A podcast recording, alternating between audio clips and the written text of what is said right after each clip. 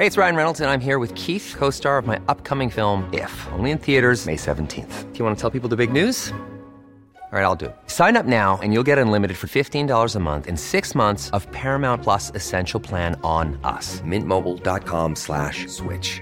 Upfront payment of $45 equivalent to $15 per month. Unlimited over 40 gigabytes per month. Face lower speeds. Videos at 480p. Active Mint customers by 531.24 get six months of Paramount Plus Essential Plan. Auto renews after six months. Offer ends May 31st, 2024. Separate Paramount Plus registration required. Terms and conditions apply if rated PG. Cool fact a crocodile can't stick out its tongue. Also, you can get health insurance for a month or just under a year in some states. United Healthcare short term insurance plans, underwritten by Golden Rule Insurance Company, offer flexible, budget friendly coverage for you. Learn more at uh1.com. Hiring for your small business? If you're not looking for professionals on LinkedIn, you're looking in the wrong place. That's like looking for your car keys in a fish tank.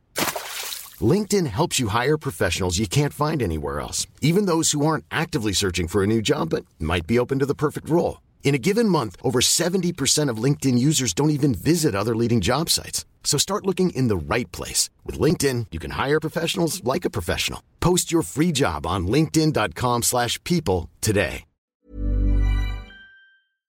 Psst! Einar Tørnquist her. Det du skal få høre på nå, det er en gammel episode av 198 land. Fortsatt en feiende flott episode, for all del, men en som har ligget der ute en stund nå. Og hvis du er gira på flunkende nye hovedepisoder av 198 land, så finner du det eksklusivt hos Podimo. God lytting!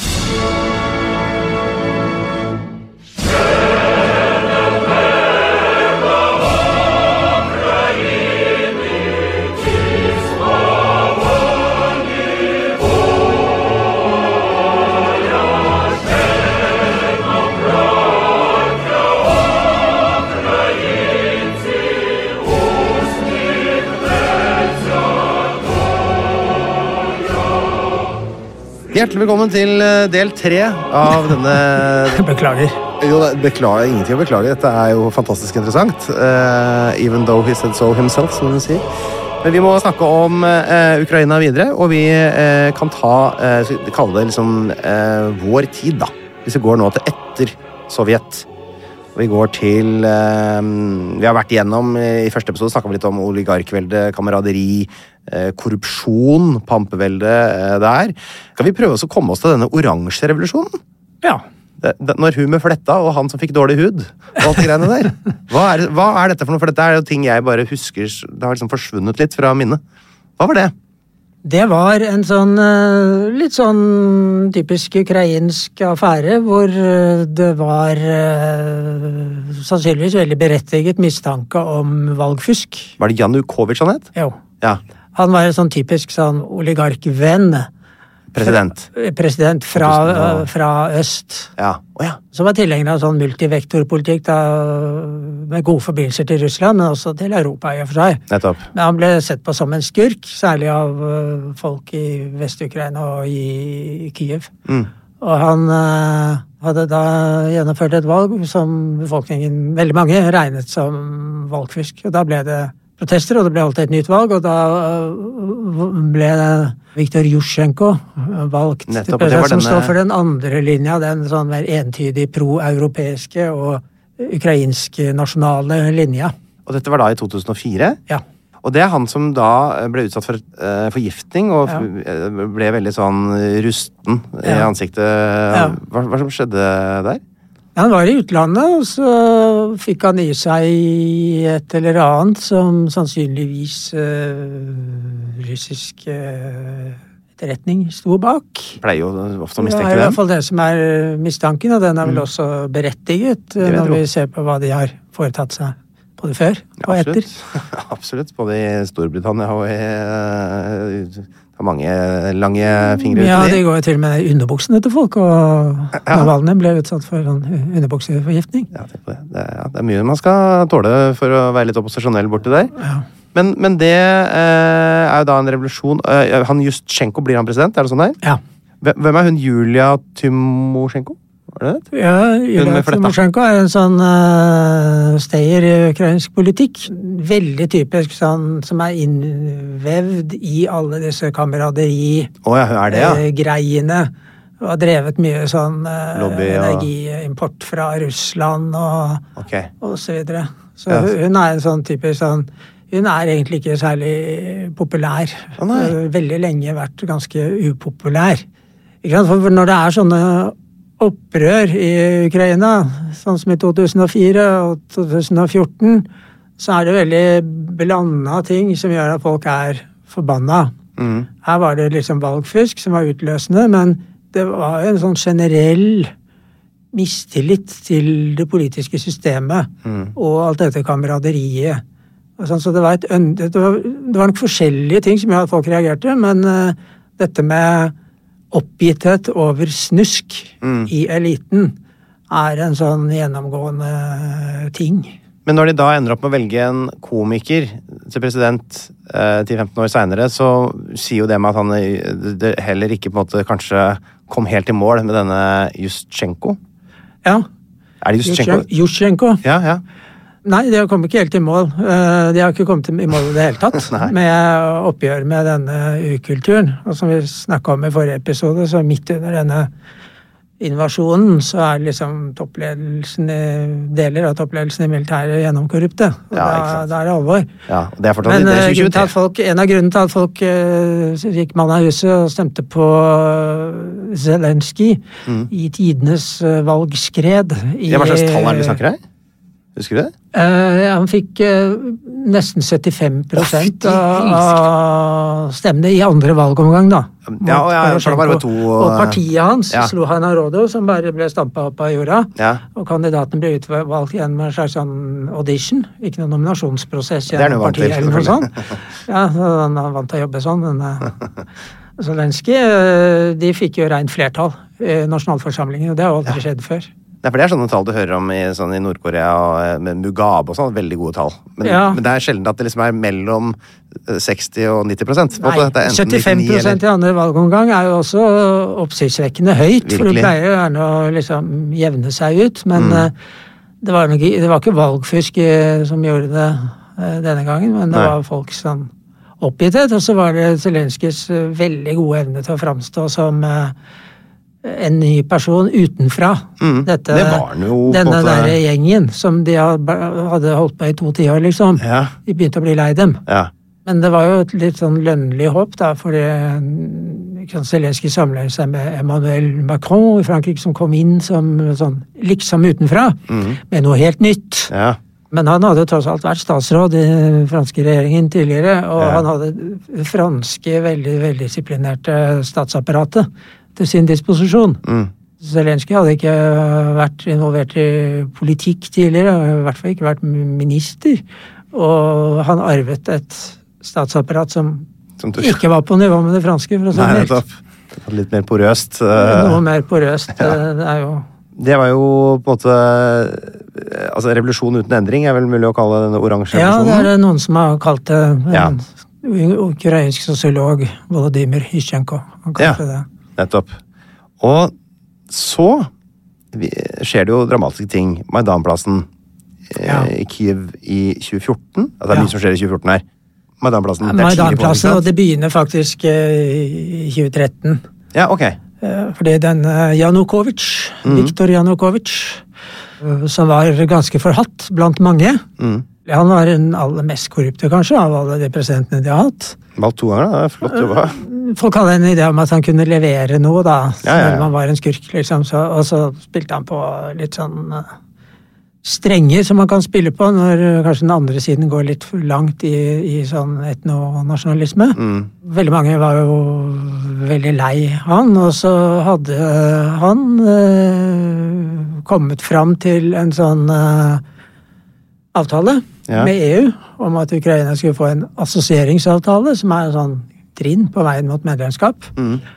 Medlemskapet ligger nok langt framme, men eh, det, er fall, Det sånn. det åpner for en del eh, tettere samarbeid og sånn, som mange ønsket seg. Ja. Og så skulle denne avtalen undertegnes i Vilnius, og så rett før om det skulle skje, så gjør han eh, om på det, og går inn for å slutte Ukraina til et sånn Putin-russisk initiativ om Ja. å slutte seg til den eurasiatiske økonomiske union. Ok. Som i og for seg ikke nødvendigvis er noe dum idé, at eh, stater som kommer ut av Sovjetunionen, som er både sånn infrastruktur og Mm. og økonomisk, og også når det gjelder eh, hva skal man si, forretningskultur, dårlig Mm. forretningskultur, eh, kompatible. Ja. Der, der er det mange land med Belarus, Kasakhstan, eh, eh, Armenia, Kirgisistan. Og det var jo liksom noe annet enn det folk hadde den hadde lovt. Den hadde lagt opp til. Og da smalt det. Da ble Ja, folk forbanna. Så da, eh, Hva er det som skjer, egentlig? Folk begynner å flokke seg på Maidanplassen, som er, liksom, som er den eh, altså, Ja, ho ho hovedplassen, ja. Ja. Og da var det ulike grupperinger som samlet seg der, og det var ulike grunner til at man var forbanna på regimet, men denne EU-saken var liksom det som fikk begeret til å, å flyte over. Mm. Og da var det ganske blodig på Maidanplassen, det ble blodig etter hvert, både fra demonstrantenes side, eh, trusler om vold, og så kom sikkerhetsstyrkene inn og drepte vel over 100 Ja, helt eh, personer. Og Janukovitsj uh, flykta Ja. til Russland. Eh, Og da tok eh, formannen i Verhovna Rada, det øverste sovjetengelen, det øverste råd, nasjonalforsamlingen, over i henhold til Grunnloven. Og så ble det ganske raskt uh, gjennomført uh, valg, da. ja. Og da vant Petro Porosjenko, som står for mye av det samme som Jusjenko, Jusjenko sto for. Nettopp. Sånn Men samme eh, måte, korrupsjonsgrad og Muligens noe mindre enn Å ja, eh, Janukovitsj, men uh, mer enn nok til at uh, folk ble lei han ganske fort Ja, det gjør det. også. Men ok, så, så, så kommer Russland. De kommer dundrende inn på Krim. Uh, later som ikke er dem. Det er noe ja. maskerte menn og noe greier. Når er dette her? Det er, det er, når på året i 2014 er det? Husker du? Nei, det er, det er på våren. Og da Hva er liksom begrunnelsen? Hvorfor kan Russland nå eh, med sverd og flagg i hånd gå inn og si hei, hei, vi skal hjelpe dere? Den russiske versjonen av dette maktskiftet da, eh, da Janukovitsj flyktet, var at det var et kupp. Mm. Men det er jo Det foregikk jo ikke, etter, så vidt jeg kan forstå, etter Grunnlovens eh, regler. Mm. Og det ble jo avholdt valg umiddelbart etterpå. Sånn at uh, om det var kupp, så varte det kuppet bare et par dager, og så ble det liksom stabilisert. Ja. Men det vil jo si at det overhodet ikke var noe kupp. Men det de brukte som begrunnelse der, var jo at befolkningen på Krim selv ønsket å ikke være med på dette kuppregimet, som de framstilte det som. Regimet i Kyiv, mm. Kiev, som de, de kaller det. Og dette, er det, dette var nazistene, eller eh, som ja, ifølge Ja, det var nazister. Ja. det var nazister og, og sånn. Så mente, men- mente de. Ja. Uh, og, og da blåste de opp det der at det var sånne ultrahøyregrupperinger på Maidanplassen, og de brukte denne Stepan Bandera, som vi vel ikke har snakket om, men uh, denne helten fra Faktisk helt av uh, Ukraina, som uh, var leder for disse nasjonalistene uh, i Østpolen, som Ja. massakrerte polakker Ja. i 1942-43. Så det er mange sånne ting de spiller på, da ja. når de sier at det var nazister, men det de spilte på, på Krim, var påstanden om at folk på Krim ikke ønsket å være en del av denne, Mm. dette kupp-Ukraina.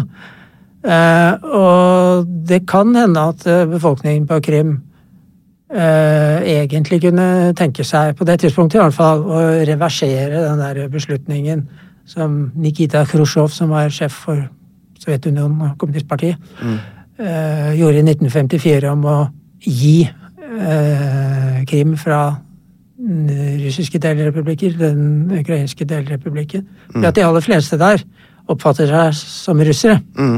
Og har vært litt sånn motstander av den nasjonale linja som ofte blir ført fra Kyiv. ja.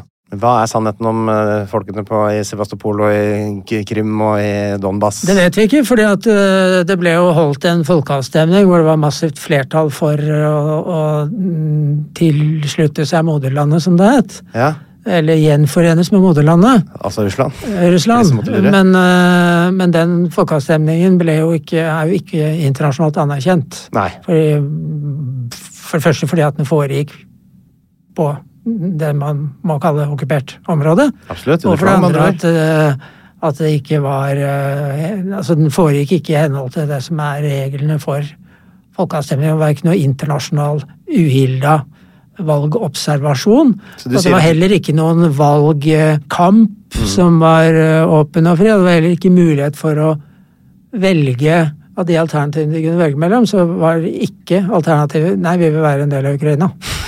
Så du sier at hvis nazistene da eh, i eh, mai 1940 i Norge hadde avholdt en folkeavstemning om vi skulle bli med i Nazi-Tyskland, og det var alternativet, eh, så mener du at da ville faktisk nord nordmenn stemt på det? Ja, vi har fått valget mellom to forskjellige måter å være Ja. en del av Nazi-Tyskland på. Ja, Schleswig-Holstein eller Ja, Vesten også. ja, så, ja. Ja, ikke sant? Så det, det er jo bare en tulle. Så det, det er tulle. Så vi vet ikke hva de eh, mente da, men Nei. jeg tror at eh, man skal ikke underslå at en del folk, både der og kanskje i Donbass på det tidspunktet, tenkte at Russland kunne være en bedre være like greit. løsning. For det er for første gang jeg har sett at folk liksom sier ja, så fint, fordi da får vi mye høyere pensjon. Mye høyere, Mm. Ja. Hvis du er lærer, så får du mye høyere lønning og sånn. Og det er et mer velorganisert og stabilt, kan man si Russland er da. Og en Ja. del folk er jo tilhengere av stabilitet mer enn eh, krangel. Men du kan jo se for deg sjøl, altså, øh, hvis du hadde bodd der, da, og det, altså Du skjønner jo at hvis Russland hadde tatt, fått da eh, eie Krim, hvis det ble utfallet av krigen, på en måte, eh, så vil jo de naturligvis bruke masse penger på å gjøre det til et flott og sterkt område, som et utstillingsvindu. Se så bra det blei her hvor vi tok over. Ja, I hvert fall sånn på overflaten. Da. ja. Jeg har ikke inntrykk av at de egentlig har gjort det så mye på Krim, altså. Det er ikke ennå, det. Nei. Kommer! De gjorde det i Tsjetsjenia. De bomba jo Tsjetsjenia sønder og sammen. Mm, Den der siste. Tsjetsjenia-krigen. Der har de i hvert fall bygd opp uh, prestisjebygninger. Mm. Ja, Som det ser fjonge ut, på, i hvert fall på utsiden. Ja. Og på avstand. Jeg vet ikke, Hvis du går inntil, så kan det hende det flasser litt av allerede. Eh, Det har jeg en mistanke om, i hvert fall. Det er noe av sjarmen med å dra på sånn type turisme, det, da. Ja. Ok, nå er vi i eh, Ukraina i 2023. Og det er litt nysgjerrig på hvordan liksom livet er for den gjengse ukrainer i dag. Da, hvis du da for eksempel var en tannlege da, i, i Lvov, eller hva sier jeg her? Lviv. Ja. Hadde jeg liksom dratt på jobb hver dag, hadde jeg tatt trikken til jobben, hadde jeg handla i butikken på vei hjem, henta barna i barnehagen, på skolen. ja. Akkurat som før, bare under Det hadde du helt sikkert gjort. Ja. I hvert fall mitt klare inntrykk etter å ha vært i disse byene i Vest-Ukraina. ja. Men uh, som tannlege så ville du kanskje hatt konkurranse fra uh, noen som hadde flytta fra Øst- eller Sør-Ukraina Ja, og dit. For det, det så vi at, så der at det var mange nyetableringer Mm. av folk. Så, ikke sant, internt fordrevne. Mm. De seks millionene som har flyttet fra der de bodde, Mm. til andre steder i Ukraina. Det er jo Ut på en måte å holde familien samla på. Ja, ja. Eh, Far bør ikke bli sittende igjen alene mens mor og barna er i Norge, eksempel, og barna går på norsk skole og om kvelden sitter og har sånn fjernundervisning, ukrainsk skole. Mm. De drar dit, men de tar med seg businessen sin. Mm. Så det var en del sånn knoppskyting av businesser og, og kulturliv og alt mulig sånn. Mm. Så du ville kanskje fått konkurranse med, fra en uh, tannlege fra Nipro, som hadde Mm. oppretta praksis der. Og så når du tok trikken, så ville det kanskje være trangere enn det var Mm. før. Hva hvis denne tannlegen eh, bodde i Mariupol, da? Ja. Som en av disse byene vi har hørt bare er fullstendig blåst i filler. Er det liksom Er det, til, er det noe drift der? Er det, er det bare forlatt? Er det Ja, akkurat det, den byen er nok eh, ganske eh, forlatt, Ja. Vil jeg tro. Eh, langt, veldig, veldig forlatt, i hvert fall. Og du ville nok hatt veldig mange gamle pasienter, for det er de som er igjen. Ja. Mm. med dårlige tenner, så ja, Mye bra å gjøre da, for en tannlege. Ja, Hvis andre tannleger er reist, så vil du kanskje ha business. Men la oss si at du er et eller annet sted på okkupert område. da. Mm. Hvis du var offentlig ansatt tannlege, skoletannlege eller noe sånt, Mm.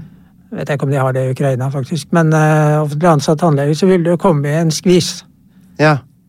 Fordi Fordi okkupantmyndighetene mm. de ville kreve av deg at du skulle ta russisk statsborgerskap.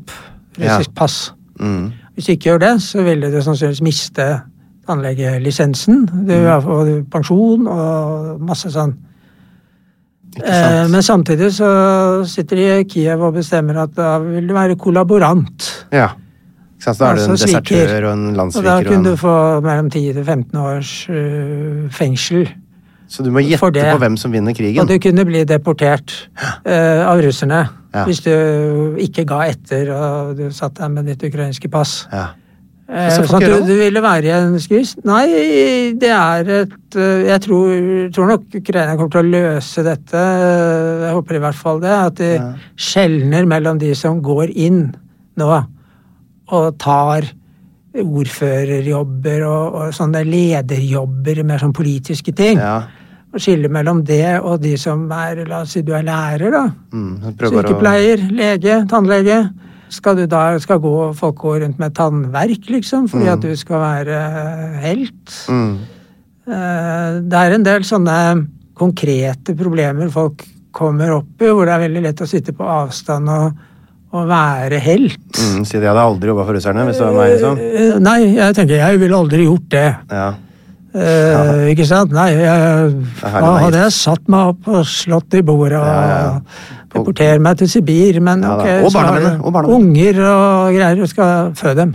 Ja. Så det, det, det er problemer her, da. Selvfølgelig. Og, og de er jo utspekulerte, disse okkupantmyndighetene. Og det er ganske, Ja, de gjør det jo selvfølgelig det så er vanskelig som mulig. ganske ille. Mm.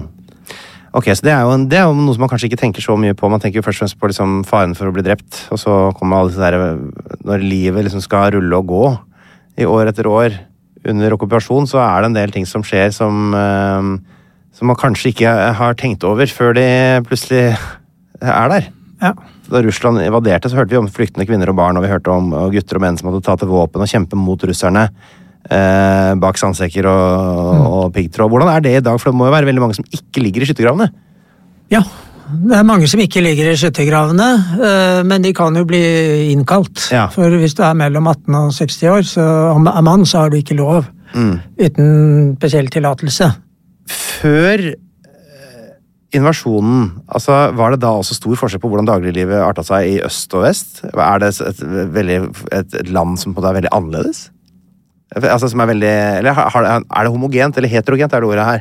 Ja, noen vil jo, har jo villet til at de er veldig heterogene. Mm. Andre er mer opptatt av at de egentlig er eh, ganske like.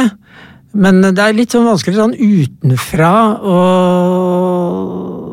si, komme med en helt sånn klar konklusjon, men det er jo veldig forskjell på disse områdene, Lviv, f.eks. for alt foregår på ukrainsk, og hvor hele bybildet Svært bybilde, en svær by med bare sånn Habsburg-aktig arkitektur og gateløp. Så det er liksom Praha, mm. Krakow-aktig. Det er nydelig. Det er helt fantastisk. Ja. Det er jo, og så er det akkurat litt sånn slitt, sånn at uh, Ja, det det det, blir litt sjarme. Ja, det er ikke altfor oppussa. og så fullt av liv. Masse mennesker ute. Altså. Så foregår det på ukrainsk, og så kommer du eksempel til Kharkiv, som jeg liker veldig godt, hvor det er mer sånn russisk-sovjetisk-aktig, og hvor folk flest, i hvert fall da jeg var der eh, i 2019, får ikke jo alt egentlig av liksom i sivilsamfunnet, kan du si, blant vanlige mennesker ute på gata og kafeer og sånt noe, på russisk. Mm. Så hvis det var offentlige møter, så switcha det til ukrainsk. Mm. Jeg får alltid noen lytterspørsmål. Jeg skal ta flere av dem etterpå. Men Trygve Lie eh, har et spørsmål her. Han lurer på Russernes bryske ytre er jo velkjent. En russer jeg kjenner, fortalte meg en gang at russerne nærmest tar det som en fornærmelse hvis folk de ikke kjenner, smiler til dem. Det tolker jeg, det, det tolker jeg som at de blir ledd av. og Har ukrainerne den samme bistre minen overfor fremmedfolk? Og hvor i all verden kommer den ganske sure holdningen fra?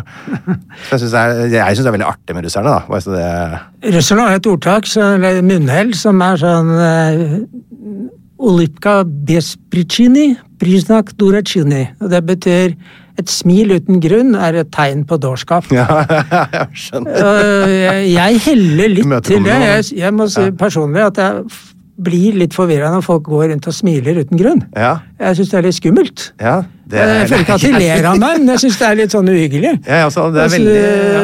og, og det er nok eh, Jeg har merket i Russland at folk er jo ufattelig sure når jeg er i Russland sammen med folk som ikke er vant til å være i Russland. Mm. hvorfor er folk så sure? Jeg merker ikke at jeg er. Mhm. Nei. Hvorfor kjefter de på deg, sier de når, jeg snakker med folk i luker og sånn. Ja, ja, ja. De kjefter ikke, de har bare litt skarp stemme, og de smiler ikke. Nei. Og det skal veldig lite til hvis det kommer en litt spøkefull kommentar og sånn, Ja. og så blir du bestevenner i løpet av ett minutt. Så, da er jo de smila så god valuta. Ja, og så bli kjent med folk, så er de helt annerledes. Det er de verdens varmeste mennesker. Men, ja. men om det er noe sånn veldig forskjell på russere og ukrainere her, det er, Ja, det er det egentlig som er spørsmålet, litt da. vanskelig å si. Det har jeg egentlig ikke tenkt over, men jeg syns i hvert fall at når jeg er i Ukraina, så er folk rett og slett veldig hyggelige. Er det litt sånn altså, Åssen er det sånn macho altså, Det er også sånn litt sånn øh, Kanskje fordom, da. Men at, eh, man, man, plutselig man, Når det er krig i Ukraina, liksom, og så er liksom presidenten og alle de er så badass. De er midt i kamphandlingene og filmer seg sjøl, og det er tungvektsboksere som er borgermester. Det er Klitsjko, selvfølgelig, Ja. som er borgermester. eh, Jeg visste det, det, det oppdaga først da krigen kom, at det var to Klitsjkoer. Ja. Det var helt like, og begge er tungvektsverdensmestere. er. Ja. Er det generelt en sånn machokultur, vil du si? Er det Kjører folk fort og røyker mye og drikker med begge hendene og Eller er det, liksom, er det mer sånn uh, innenlands-Russland?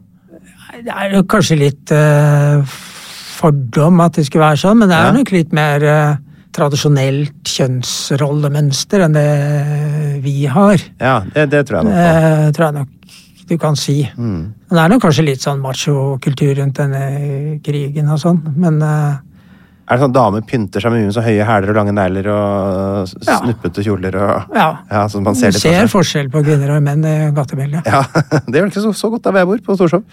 Faktisk det er det litt mer glidende overgang. Ehm, litt til framtida her, da. Hva er realistiske utfall nå? Krigen det er jo selvfølgelig helt håpløst for oss å spekulere i. Men la oss si at da Russland ikke kollapser eller trekker seg tilbake, da. Eh, som sikkert mange ønsker seg. Er Krim tapt for Ukraina, tror du? Eh, Det er noen som eh, forsker på mer den typen problemstillinger enn det jeg gjør, som sier at eh, det ikke er realistisk at Ukraina skal få tilbake Krim. Det er også mitt inntrykk at jo Fordi- lengre tida går Ja, fordi, fordi Svartehavsflåten til Russland ligger der og sånn. Denne invasjonen starta jo egentlig i 2014. Ja, ja. Uh, Vi må ikke tenke på at den startet i fjor, fordi at den starta jo egentlig da. Fullskala eh, invasjon starta i fjor. Ja, hvor full skala den var når vi så hvordan det kjørte seg fast i startfasen. Skala, Eh, det har jo ennå ikke vært sånn full mobilisering av vernepliktige og sånn i Russland, men Nei. det var i hvert fall en kraftig opptrapping av invasjonen. Mm.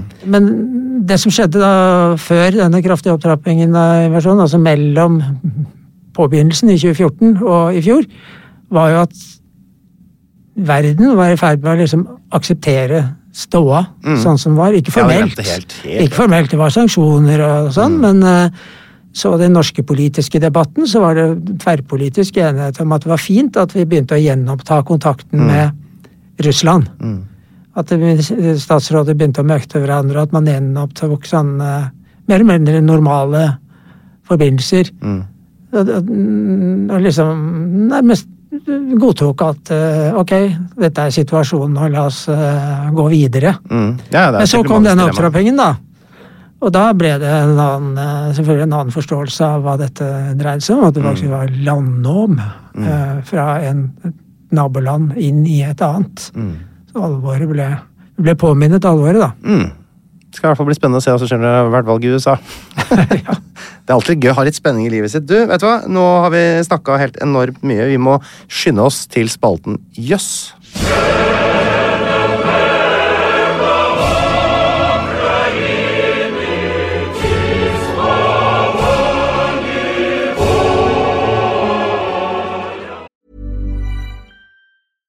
Cool fact a crocodile can't stick out its tongue. Also, you can get health insurance for a month or just under a year in some states. United Healthcare short term insurance plans, underwritten by Golden Rule Insurance Company, offer flexible, budget friendly coverage for you. Learn more at uh1.com. Hey, it's Ryan Reynolds, and I'm here with Keith, co star of my upcoming film, If, only in theaters, May 17th. Do you want to tell people the big news? All right, I'll do it. Sign up now and you'll get unlimited for $15 a month in six months of Paramount Plus Essential Plan on us. Mintmobile.com slash switch. Upfront payment of $45 equivalent to $15 per month. Unlimited over 40 gigabytes per month. Face lower speeds. Videos at 480p. Active Mint customers by 531.24 get six months of Paramount Plus Essential Plan. Auto renews after six months. Offer ends May 31st, 2024. Separate Paramount Plus registration required. Terms and conditions apply if rated PG. Since 2013, Bombas has donated over 100 million socks, underwear, and t shirts to those facing homelessness. If we counted those on air, this ad would last over 1,157 days. But if we counted the time it takes to make a donation possible, it would take just a few clicks. Because every time you make a purchase, Bombas donates an item to someone who needs it. Go to bombas.com slash ACAST and use code ACAST for 20% off your first purchase. That's bombas.com slash ACAST, code ACAST. Yeah!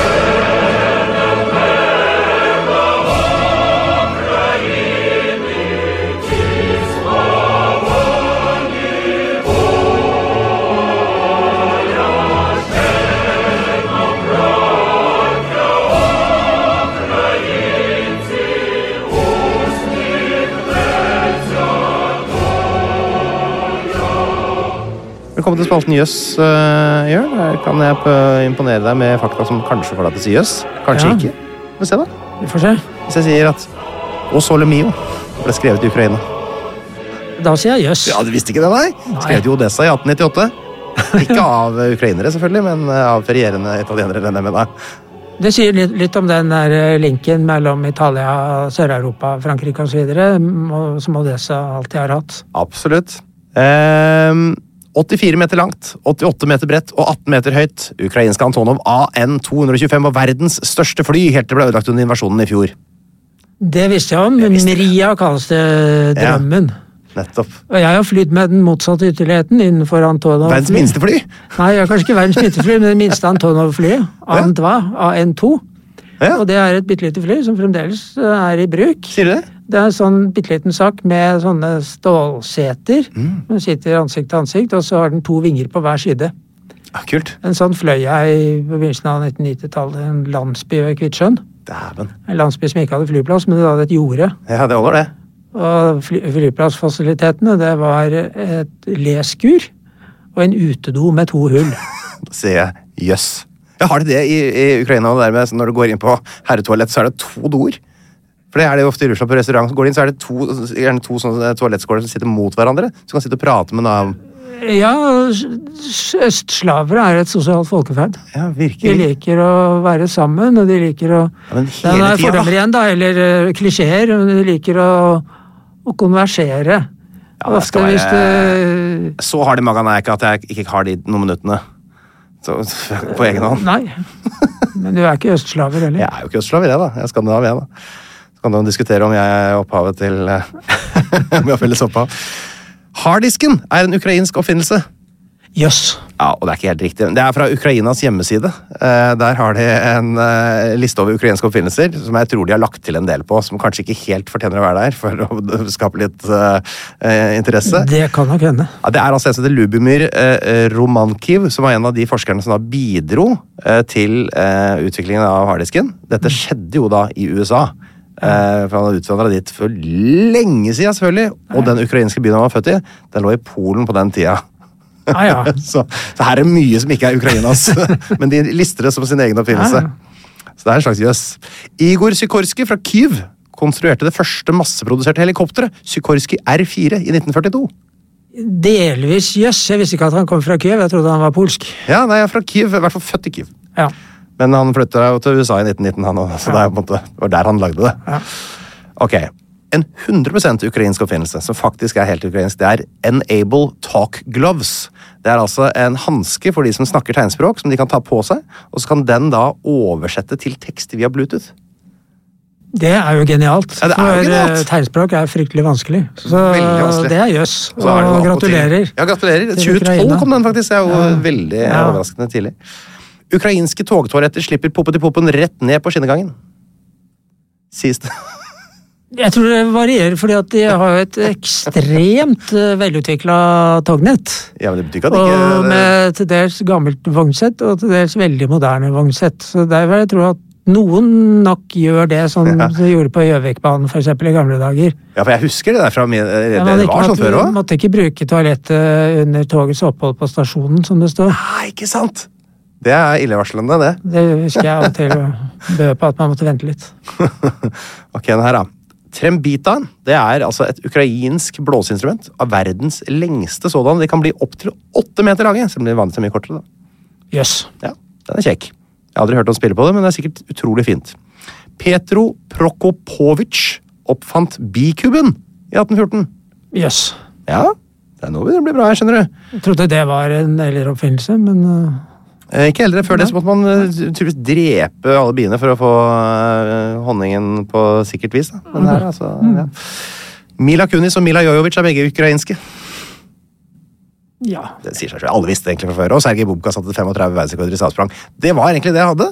Litt av det var jo litt jøss, var ikke det? Jo. Da tar vi et par lytterspørsmål, og så går vi hjem.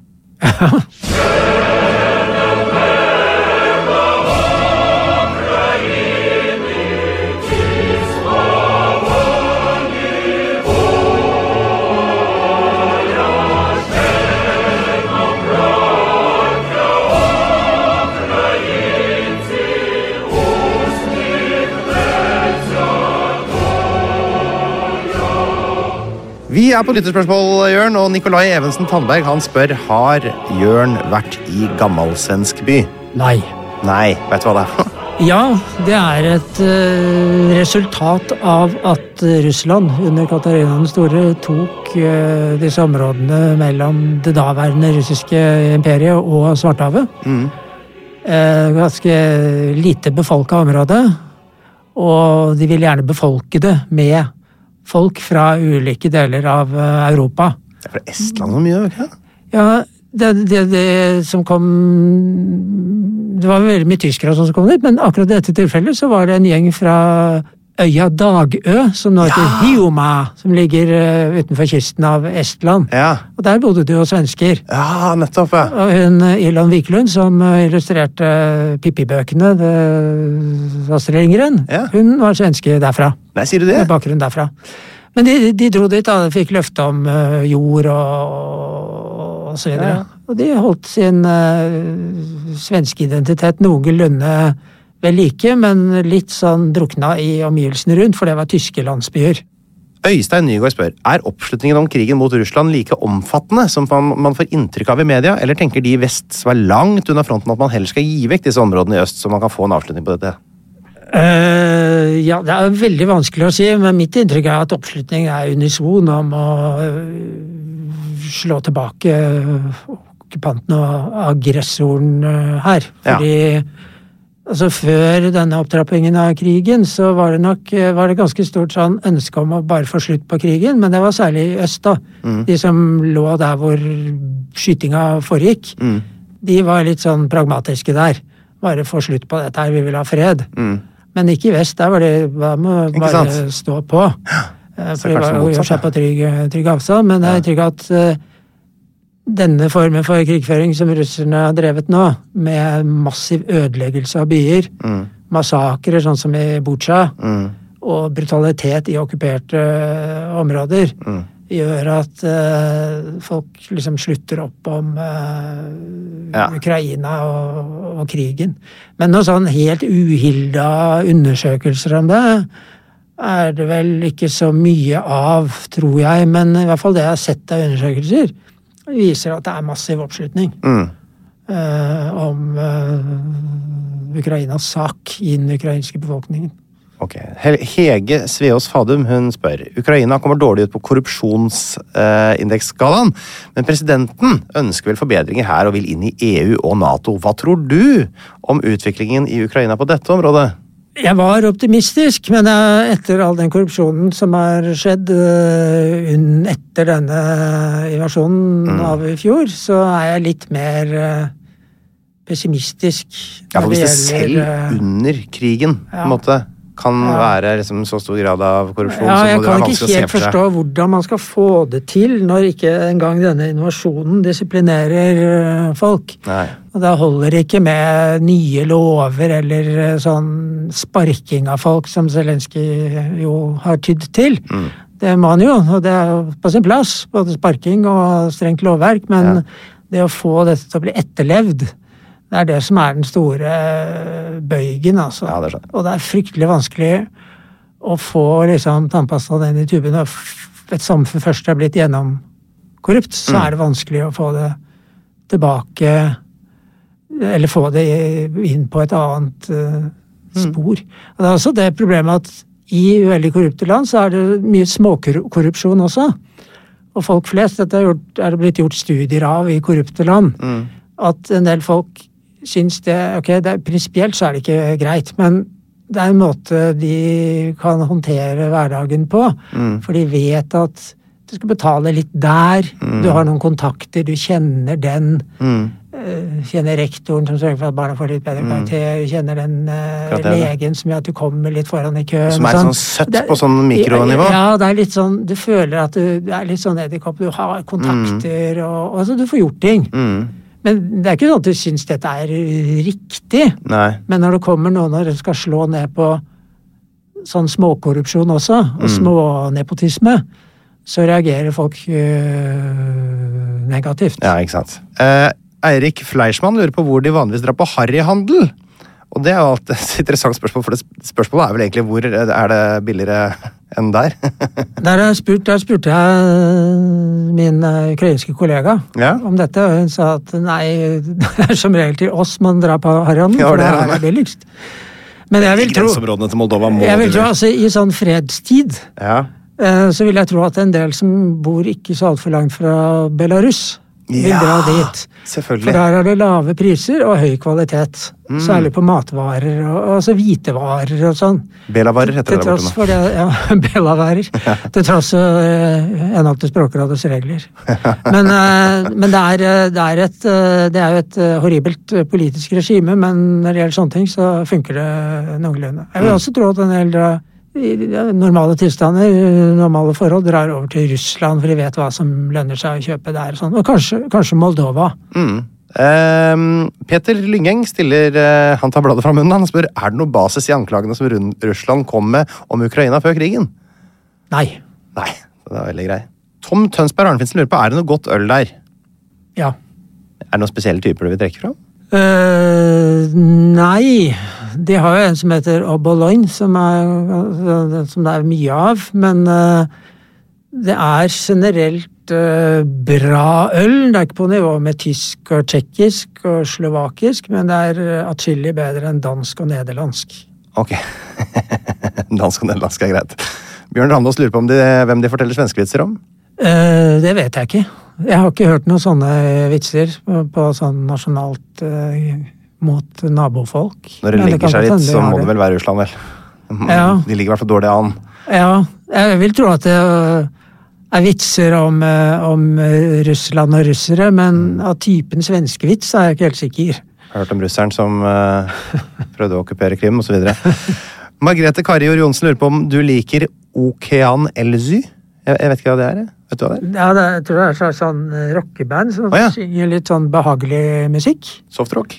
Ja, så vidt jeg kan forstå. Jeg, nå er ikke jeg noen ekspert, men eh, på det spørsmålet vil jeg vel svare at jeg eh, ikke synes de er direkte plagsomme. Ja, ok. Ja, men Det er fint. Det er jo en, det er forhåpentligvis Kanskje litt retning Eurovision-musikk. Nettopp, ja. ja. litt, trakk litt ned. Litt, tok, tok Men det sånn Eurovision musikk som Ukraina pleier, ikke pleier å sende, så vidt jeg har forstått. Altså det er uten sånne eh, vulkanutbrudd og ild og sånn på scenen. Ja, dramatiske greier. Mer sånn rolig. Magnus Johan Nilsen spør om folk har begynt å flytte tilbake til Tsjernobyl etter at de fikk lagt eh, i lokk over det gamle kjernekraftverket. Der ligger jo for øvrig en helt enorm sånn der dome og overholder alt Ja. dette strålinga fast under. Og svaret på det det er jo rundt 150 stykker som har flytta tilbake. Som er jo ofte stort sett Ja. eldre mennesker, da. Det ble jo bygget en sånn by like ved Tsjernobyl, som var sånn eh, Ja, Pripyat, som var sånn eh, mm, Oppkalt etter Pripyat-myrene. Eh, Men eh, Ja. eh, Som var sånn at alle delrepublikkene skulle lage sitt strøk. Ja. Kvartal. Ja. Og den er visst veldig interessant. Okay. Den der norske forfatteren Kjartan Frøgstad har skrevet om det i en bok om sovjetarkitektur. ja. hvor det er liksom litt sånn latvisk, litauisk, tadsjikisk og sånn litt sånn nasjonalreformaktig. Ok. Så jeg har alltid hatt veldig lyst til å dra dit og se på det, men jeg, for å se på det, men jeg har ikke Altså, det er denne fraflytta byen hvor arbeiderne bodde, eller er det en annen du tenker Nei, på? det er ny etter, er ny etter, etter, ja. Ah, okay. etter uh, ulykken. Ja, jeg skjønner. Ja, men det er uansett i hvert fall noen som bor der. Det, det er jo eh, sånn I historiefortellingen om Tsjernobyl så har det jo Man tenker jo på det som en katastrofe hvor det døde millioner av mennesker, og sånn, men det var jo ikke så veldig mange som døde direkte av ulykken. Det var vi snakker om sånn som eh, det var to stykker i selve smellen, altså 30 stykker til sammen eller sånt, når, eh, av de som måtte eh, døde av stråleskader fordi de hadde vært inne i, i anlegget og jobba og sånn. Og så vet man ikke helt Kreftforekomst alltid vanskelig å spore. Eh, det er noe forhøya tall på skjoldbruskkjertelkreft hos barn, f.eks. i området og sånn. Men det er ikke sånn Det er, det er ikke de, det man ser for seg. Man sier jo at den største måte, skaden de gjorde, var på en måte det, psyko, eller det psykologiske stresset Ja. eh, for folk i området. Mm. Ok. Eh, siste spørsmål. Det kommer fra Kenneth Nordahl Pedersen. Han lurer på om det finnes spor etter nordiske bosettere, vikinger, i dagens Ukraina. Og er det allmennkunnskap blant ukrainerne at datteren til fyrst Jaroslav den vise av Kyvriket gifta seg med Harald Hårråde og ble Norges siste vikingdronning? Eh, Det siste tror jeg ikke er allmennkunnskap i Ukraina. Jeg har aldri støtt på noen som har eh, trukket opp det i, i samtalen, selv om jeg de skjønner jeg kommer fra Norge. Ingen som kommer med datteren til fyrst Jaroslav den vise T-skjorter? Uh, nei. Ok. Men eh, det er jo faktisk en utstilling på hvor de som er liksom i nærheten av Oslo, eller i Oslo, eller skal innom Oslo, så er det en utstilling på Historisk museum om, de, om vikingene i Kiev-riket.